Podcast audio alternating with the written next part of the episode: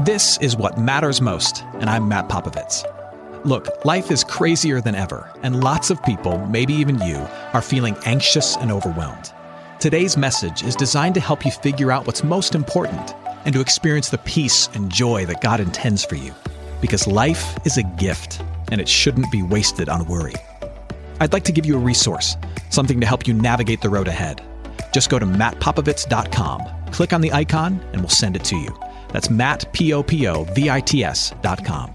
And hey, if you happen to live in the Houston area, I'd love to see you on a Sunday morning at St. Mark in Spring Branch. Head to stmarkhouston.org to plan your visit. Here's today's message. Thanks for listening. What we're doing throughout the month of December, throughout Advent, is looking at some of the more famous Advent and Christmas tunes that are sung in church and really outside of church. And we're looking at the theology underneath those songs. Uh, we're examining the message of those well known songs to, to really examine up close and in a way that most of us really never do uh, the message of Christmas that's given to us in these treasured songs. Uh, and last week, uh, we looked at O Come, O Come Emmanuel. And today, we look at Come Thou Long Expected Jesus. Now, this is a song that's popular within the traditional church, but it's not all that popular outside of church. It's a song that's well loved by Christian people, but it's not one that's, talk, that's caught on really in the secular celebration of Christmas. Uh, but it is a fantastic song, and if you've grown up going to church, I am certain that you, have, you know this song and you've sung it for Advent season after Advent season, Christmas season after Christmas season. I love this song for two, two reasons, probably actually three reasons. Number one, I think the theological message of this song is rich and profound, as we'll discover in just a few minutes. I also think it's a really catchy tune. And number three, I like it because it's short.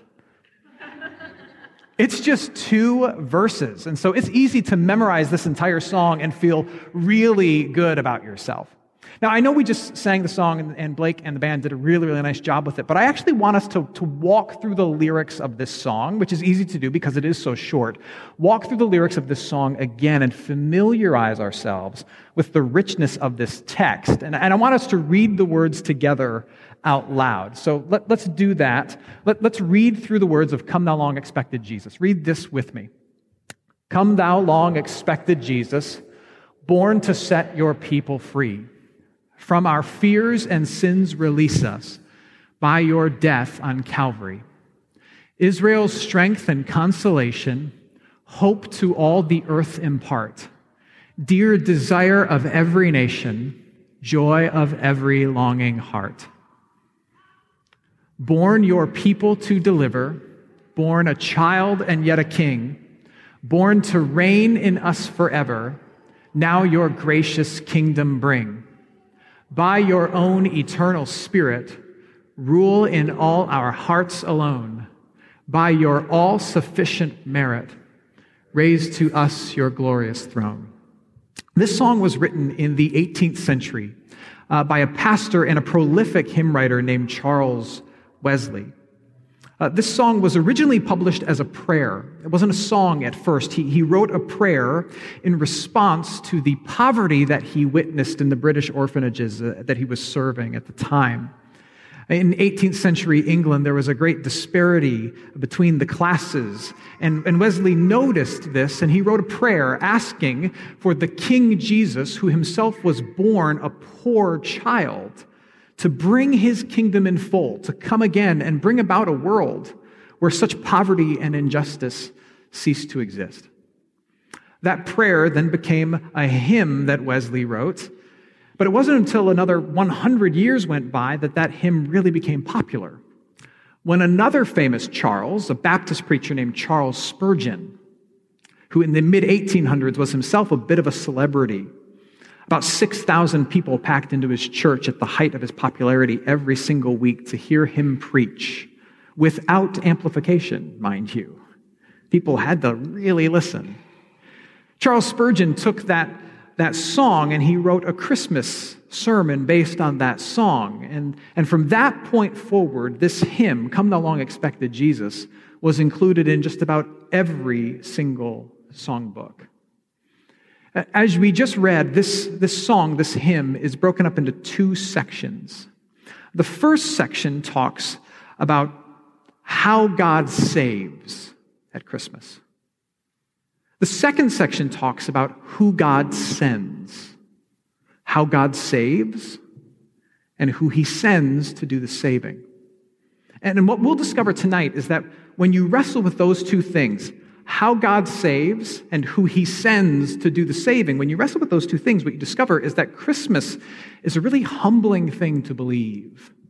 And it's a humbling thing to celebrate. And it's, and it's not merely humbling for Jesus, who, who leaves the glories of heaven and takes on flesh and is born as a baby to save the world. Certainly that is humbling. But it is also humbling for us who choose to believe it. Because, as we will see, to embrace the message of Christmas and to believe that Jesus has arrived is to welcome in a belief that recognizes your own weakness. It's to welcome in a belief that crushes your pride. And it's to welcome in a belief and a Jesus who calls you to set aside your own plans and submit all of them to Him. And when you believe in something that causes you to admit your weakness, that invites a hit to your pride, and calls you to set aside your plans, you're believing in something that's incredibly humbling. Let's look again at one of the lines from this song, and actually, I want to pair it with a verse from Isaiah chapter 9, verse 2. One of the lines in Come Thou Long Expected Jesus says this Come Thou Long Expected Jesus, born to set your people free. From our fears and sins, release us by your death on Calvary. Now look at Isaiah 9. The people who walked in darkness have seen a great light. Those who dwelt in a land of deep darkness, on them light has shone. In these two different things, in the song and in the scripture, we see a picture of a people who are bound and captive in their own struggles. That's the song. And we see a people who, according to Isaiah, are stuck in darkness and who need a light to shine on them from the outside. That's the scripture. So, this is the picture of the problem that Jesus fixes for us in his arrival at Christmas. And this is a very stark and not very positive picture. The help that God the Father sends at Christmas through Jesus is very one sided and it is dramatic. You see, to believe in Christmas is to believe that Jesus has come and he has not been sent to simply assist the world with a divine problem. Jesus wasn't born to help the world help itself. Jesus didn't arrive as a divine advisor. No, according to this, if we, if we believe the words of of Wesley's song, if we believe the, the prophecy of Isaiah, according to this, the world was shackled to problems that it can't escape. It was blinded by a darkness that no man made light can overcome. Meaning that unless God Himself were to act from the outside and to enter in to do something for us, there's absolutely no hope of mankind saving itself and fixing its biggest problems. The picture of Christmas is a humankind, humanity, people, us, you and me, who are so stuck in our problems of sin and death and fear that unless someone enters in from the outside, because no one can fix it from the inside, unless someone enters in from the outside, there is absolutely absolutely, positively no hope for us. Our biggest problems will forever remain unfixed, and there is no hope unless someone comes from out there down here to set us free, unless a light shines from out there into the darkness here to show us the way. To embrace the message of Christmas is to embrace a belief in the weakness of humanity it is to embrace a belief in the limitations of our own power. Not only is Christmas a rejection of human power, what we see in this song and in these scriptures is that it confronts human pride. I want to look at the second stanza of this hymn and more from the prophet Isaiah. Look at these words from the second stanza Born your people to deliver, here's the key, born a child and yet a king. Now, from Isaiah For to us a child is born, to us a son is given, and the government shall be upon this child's shoulder. So both Wesley in his song and Isaiah in his prophecy uh, tell us that God chose to show up in this world to show his power and save this world as a child, as an infant, no less. Now, it's, it's easy for us who've grown up in this world hearing the story of Christmas, of God come to earth as the beautiful baby Jesus, to, to overlook and, and, and lack an ability to understand just how offensive this was to a first century hearer. Uh, in the first century, it was a shame and honor culture. In a shame and honor culture, there are still cultures on earth today that are very much shame and honor based. In a shame and honor culture, the goal is to protect your own dignity. In a shame and honor culture, uh, one of the goals in life is to prove yourself worthy of respect in the eyes of others. And in the first century, in first century Palestine, small children, in particular infants, they were not placed on pedestals of, of cuteness and innocence like they are today in the Western world. When children are born into the world today, we, we lift them high like Simba in The Lion King, and we say, Celebrate the birth of this child. Not so in the first century. In the first century, children were seen as sickly, children were seen as needy, infants in particular were seen as prone to dying, and you were cautious and wise. You were wise, rather, to be cautious about loving them and embracing them. Children, especially infants in the first century, were seen to have little inherent value, which is why there were hardly any laws protecting their lives. They were the lowest creatures on the social order. And yet, that is who God chooses to make himself known as the lowest creature in the social order. This is who God asks the world to bow down to. Think about it. To submit to a child, to call a child an infant, God and King. It's a very humbling act. It's an act of self denial. Not just a humbling idea, but for some, especially in the first century, a humiliating one. So, where will you be spending Christmas Eve? Hey, it's Pastor Matt, and if you're in the Houston area, I invite you to join me at St. Mark Houston for one of our three Christmas Eve celebrations. Each will feature the music you love, a message from me, and carols by candlelight. For more information, head to stmarkhouston.org. If you can't worship in person, then join us online. We'll be streaming a special celebration all day online at htxchristmas.com. And now, back to today's message. Let's look at one more. Again, from Wesley's hymn and Isaiah's prophecy. Wesley writes this Born to reign in us forever. That's the key. Now your gracious kingdom bring. Now from Isaiah. Of the increase of his government and of peace there will be no end, and he will be on the throne of David and over his kingdom to establish it and uphold it. Here's my question for you. What does it mean to say that Christ was born to reign in us forever? What does it mean to say that Christ was born to reign in your heart and reign in mine forever? Here's part of what it means that this, this Jesus who's born humbly, he not only has all of the power to save us, but, but he has all of the plans, and his plans get priority. He is a humble king, but he's the king nonetheless. And what do kings do? They rule and they reign and they get their way. And Jesus is a humble king, but he's a king nonetheless, and he has come to reign, to establish his kingdom first in your heart. He reigns in the hearts of all those who have been touched by this belief in grace and mercy that comes through him. So if you are here believing and leaning upon Jesus, Jesus is reigning in and through your heart.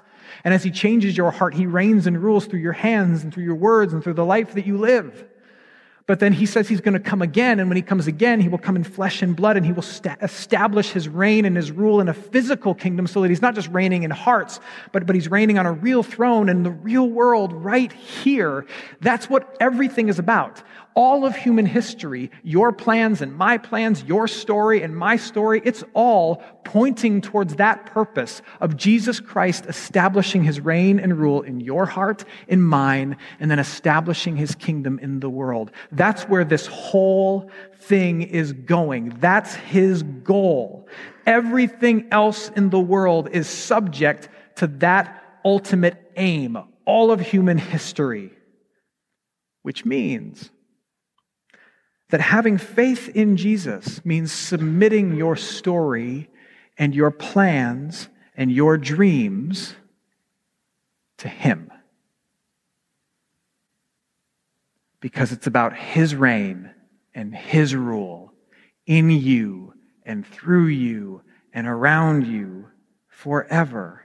See, to celebrate Advent, to celebrate the birth of Jesus, is to invite someone into the world whose priorities and plans trump all of your priorities and plans. It's to believe in someone who says to you, I love you, but it's not about you.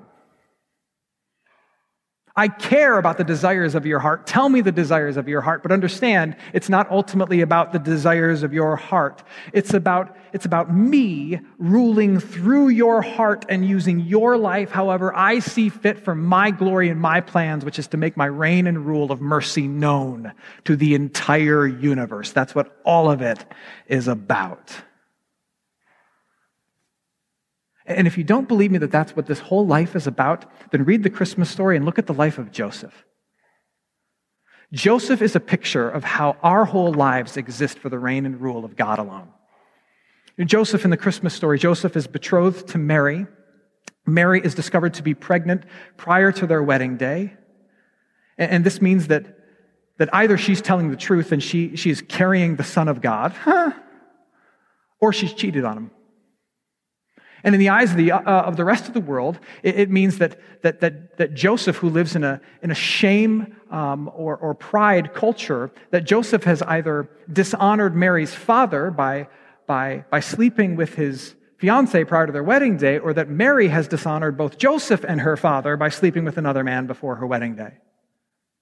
And Joseph is asked to simply accept this idea that, that Mary is carrying the very child of God, but not only that, to then raise that child as his own, and to raise a child that the entire world in a shame and honor culture would know was not his. And while that's a noble thing to do today, to raise another man's child, that was not, not an honorable thing to do in the first century. To be seen as someone who is stuck with another man's burden and so Joseph is, is asked to marry this woman who is pregnant, and it's not his child. He's asked to raise this child as his own and to do it all for God's glory and God's plans and to push all of his plans to the side. And he just says yes. And then not only that, the angel comes to Joseph and he says, By the way, I've got a name for this child. This name is going to be called, this boy is going to be called Jesus. That's his name. And we tend to overlook that fact, but, but naming the child was a significant part of the process for the one who was going to raise it. It was the prerogative of the dad to name the child. It was the honor of the father to choose the name for the child. And in doing so, to, to set a vision for what their character would be like by choosing the perfect name by, by uh, to choose the perfect name and to, and to pass on a part of the family history and the family legacy. The dad got to choose the name of the child, but no, you'd think Joseph would be able to do that. He's being asked to carry such a big burden in God's great plan, but he's not even allowed to do what earthly dads get to do, which is name the baby. He doesn't get to name the baby. He just has to do whatever God says. And that's hard and that's humbling you and I, we run into that all the time. We are so tempted to see Jesus as our servant rather than our Savior. And to say, I will follow you if, I will love you if, I'll go back to church if, or I'll pray to you when I want something. I will call out to you when I need something. And then we find ourselves shaking our fist at God because we say, My life was supposed to go this way, or I was supposed to get that thing. I get to be the architect of my existence. My plans are my plans, and you, you exist if I give you my love to give me my will. And whenever we find ourselves saying that to God, here's what we're trying to do. We're trying to be Joseph and we're trying to name the baby. I'll take this child, but I still get to have part of my way. And God says, no. Your life is not your own. I love you. I'm caring for you. But This world is not about you. It's about the reign and rule of mercy and grace that I'm establishing in you and through you and all around you. That's the point of history. Now, now you might hear all of this, and, and if you're, you're paying attention, you might be saying, man, that is hard. I understand that this is difficult. I, I, I get it. I get it that, that having a humble love like this for Jesus in response to him may seem impossible. And I would say that it is impossible until you see him humbly loving us just like this. Until you see him setting aside his power and eschewing his pride and submitting himself as the Son to the will of the Father. Until you see him doing this for you, it's an impossible thing to fathom coming from you. But that's how relationships work. And remember, faith is a relationship, it's not a rule book. That's how it works. And the same is true on an infinitely greater scale with Jesus. If you find the implications of Christmas impossible, if something in you wants to run in the other direction, I invite you this Christmas season to stare at and wonder at the person and the work of Jesus Christ. Just look at him. Look at him in his humility going first and going bigger than you ever will have to. You want to talk humility? He, te- he sets aside the glory of heaven to take on flesh, to be born, to be homeless, to be weak, to be rejected. And he says he does it all for you and for me. You want to talk sacrifice? He lays down his life. He suffers a brutal death so that he can rise from the grave and pronounce you free and pronounce you unburdened. That's love. And just sit back and watch Jesus in the Christmas story. Watch Jesus do humble. Watch Jesus do sacrifice. Watch Jesus do love. And watch him do it all for you. And then watch what happens in you. As you look at Christmas and you see this baby being born in the back alley of Bethlehem to an unwed mother so that he can know your pain and rise from your grave, look at that and go, that was for me, for me, for me. Look at that, know that, and then watch what happens inside of you as you believe that. Watch what happens. The same humble love that you see for you flows through you. Because that's how relationships work. And you find yourself saying, Yes, come thou long expected Jesus, because you are the joy of this longing heart. Charles Wesley wrote 6,000 hymns. 6,000 hymns. That means he wrote about 115 hymns a year, um, about two and a quarter hymns a week, every week for his entire adult life get cracking, Blake? He obviously loved to write music, but, but obviously something bigger had taken hold of his heart. This, this captivated heart full of love for Jesus burst forth in music that just wouldn't stop. When you see someone setting aside everything to love you, it changes you. When you see someone setting aside everything to love you, it changes you and it makes you want to set aside everything to love others too. Your power, your pride, everything. A friend of mine said that Christmas is not just a time for us to celebrate family and friends or even for Christians to say, yes, Jesus is born, but it's a time for us to be confronted with the callous in our calluses of our heart called selfishness that grow throughout the year and to have them confronted and have them destroyed as we see Jesus being loving and humble and caring to us. It's a chance for us to be invited into setting aside our plans and our power and our pride, but to watch in wonder as Jesus enters this world and says, with his tiny baby hand raised, Ooh, ooh, ooh I'll go first. May your heart be captivated by the humble love of Jesus so that you can give that humble love like Jesus to him and to others. Amen. Hey, it's Matt. I hope you enjoyed what matters most. Here's what I need you to know life is a gift, and it shouldn't be wasted on worry. I want to help you figure out what's most important and to experience the peace and joy that God intends for you. So, for more content, you can head to mattpopovits.com. That's Matt. There, you can also support this ministry as well as access your free resource, a little something to help you navigate the road ahead. I'd also love to see you on a Sunday morning. If you're in the Houston area, head to stmarkhouston.org to plan your visit. In the meantime, hit me up on Instagram at mpopovits or at facebook.com slash Matt Ministries. Thanks for listening. Now go and hold tight to what matters most.